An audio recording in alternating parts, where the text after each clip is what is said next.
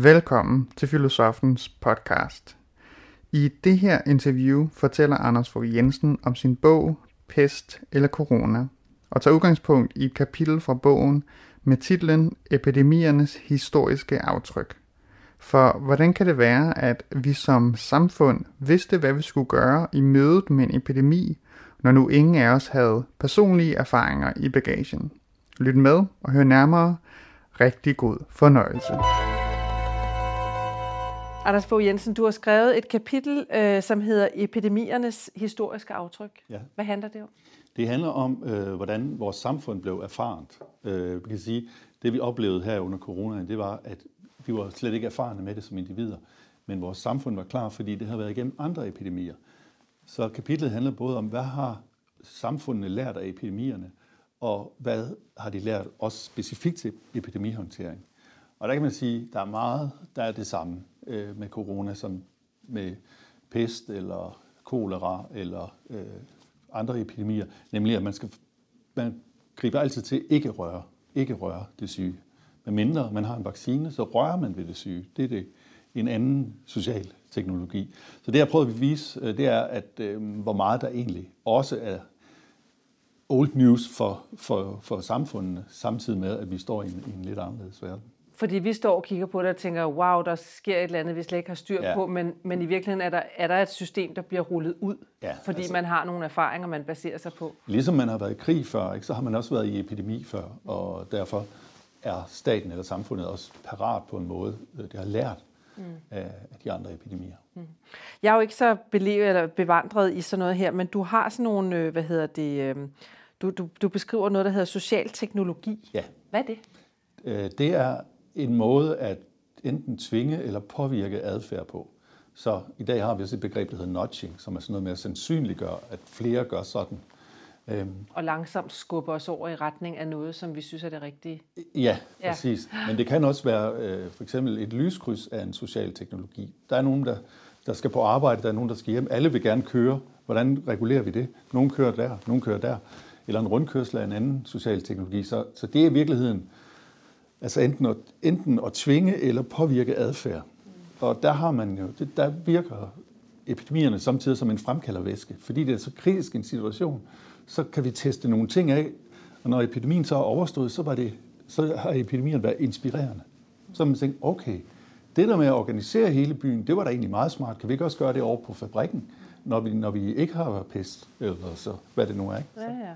Så, så, så vi i virkeligheden får det system, vi så kan lære af. Mm. Øh, og den sociale teknologi har været anvendt her på hvilken måde, hvis vi ser på coronatiden? Mm. Det, det er primært det, man kalder en antitaktil strategi. Det betyder ikke at røre. Mm. Og vi venter på vaccine, siger vi. Vi venter på, at vi kan berøre. Mm. Øhm, og så, øh, altså det har været meget noget med at styre menneskemasserne, men så har vi også noget som håndspritten, som er øh, jo minder om øh, for eksempel øh, inden for malaria, at man sprøjter med DDT for at dræbe de myg, der spreder, eller øh, altså forskellige strategier, også noget, man brugte mod syfilis, der hedder neosalvarsan, som er den forgænger til kemoterapi. Altså det er, at man dræber noget for, at det, man synes skal leve, kan leve. Og der er håndspritten en, en anden strategi end masken, fordi den, den slår ihjel for, at noget andet kan leve. Mm. Og det er der også øh, en historie for, ikke? Mm. Så der er rigtig mange lighedspunkter med ja. Tidligere epidemier øh, af dem, vi står over for nu.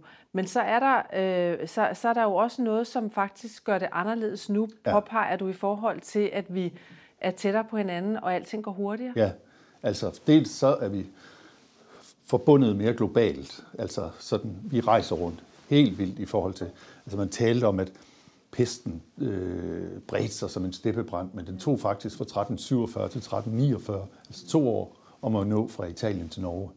I dag der er det jo øh, en eftermiddag. Det bliver, det, det, altså, coronaen har rejst med middelklassen i fly øh, i høj grad, og, og det er anderledes. Og det andet, der er anderledes, det er, at vi er også øh, forbundet øh, vidensmæssigt, og sådan, vi har øh, internettet, vi, kan, øh, vi har en hel masse tilgængelig viden og kommunikation, og alle kan ligesom være lidt lommeepidemiologiske og, og deltage i debatten og sådan noget. Det, det, jeg tror nok altid, man har ment noget om, øh, strategierne, men lige pludselig er vi blevet en hel masse, der kommenterer og, og mener det ene og det andet, og det er jo også meget anderledes. Før har man vel haft sådan noget lægemænd, der har gået rundt med nogle Ja. huskeråd og sådan noget, ikke? Jo, Ja. jo, jo, og lad nu være med at blande det der med det der og sådan Ja, noget. ja, ja. Øh, så siger du, at øh, coronaen har ramt os i en tid, der er præget af dystropi. Hvad mener du med det? Jamen altså, det er svært at sige, hvornår det har indfundet sig, men på et tidspunkt, nogen mener omkring mordet på John F. Kennedy, øh, måske lidt senere, at øh, man er begyndt at tale om fremtiden som noget, der bliver værre. Og det, øh, altså, det er jo meget mod oplysningstiden for eksempel. Der troede man hele tiden på, at mm, samfundet, og jo mere vi fik øh, viden, og jo mere vi ligesom udviklede os, jo bedre blev verden. Men det er ligesom om, at tingene bliver tolket ind i en dystopisk kontekst. Så når staten, statsministeren står frem og siger, at vi skal regne med, at meget bliver anderledes, så ligger der der i også, det bliver dårligere. Det er ikke sådan, vi lover en, en fremtid, der er bedre, men, men det bliver tolket ind i en negativ, eller en, øh, jeg plejer samtidig at sige, at vi lever i en tinnitus af frygt, af sådan en baggrundsfrygt, der hele tiden er der, om at verden bliver dårligere, og det bliver epidemien, så øh, den bliver også indrullet i den forståelsesramme. Så, så, så, og det, og, altså, så, fordi vi kunne jo i virkeligheden tolke på øh, statsministerens tale, og så sige, når hun siger, at noget bliver anderledes, at vi så tænker, om det bliver meget bedre. Ja, det kunne vi også, men ja. Det er ikke det, der ligger i Det den det, der bekymrede i. mine, der bliver sagt. Fordi noget skal blive anderledes, så vi bliver bedre til at håndtere epidemier.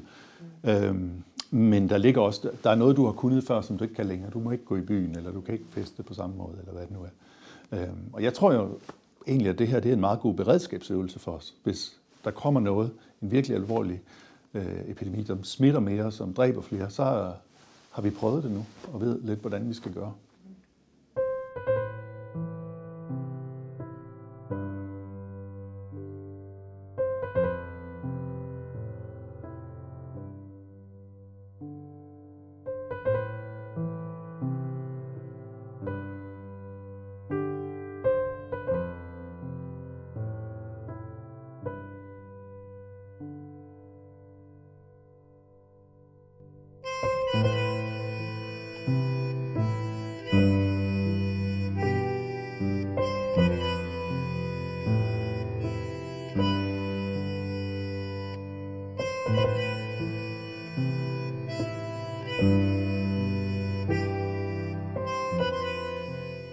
Du har lyttet til Filosofens podcast.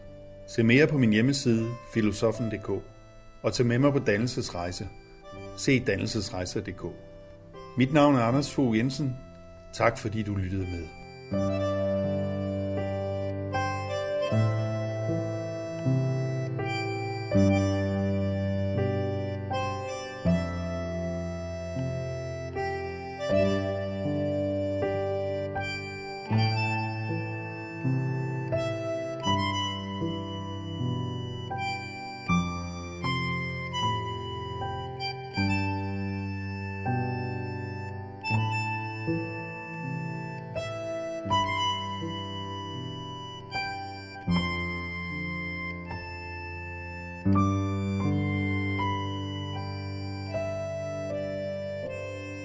Música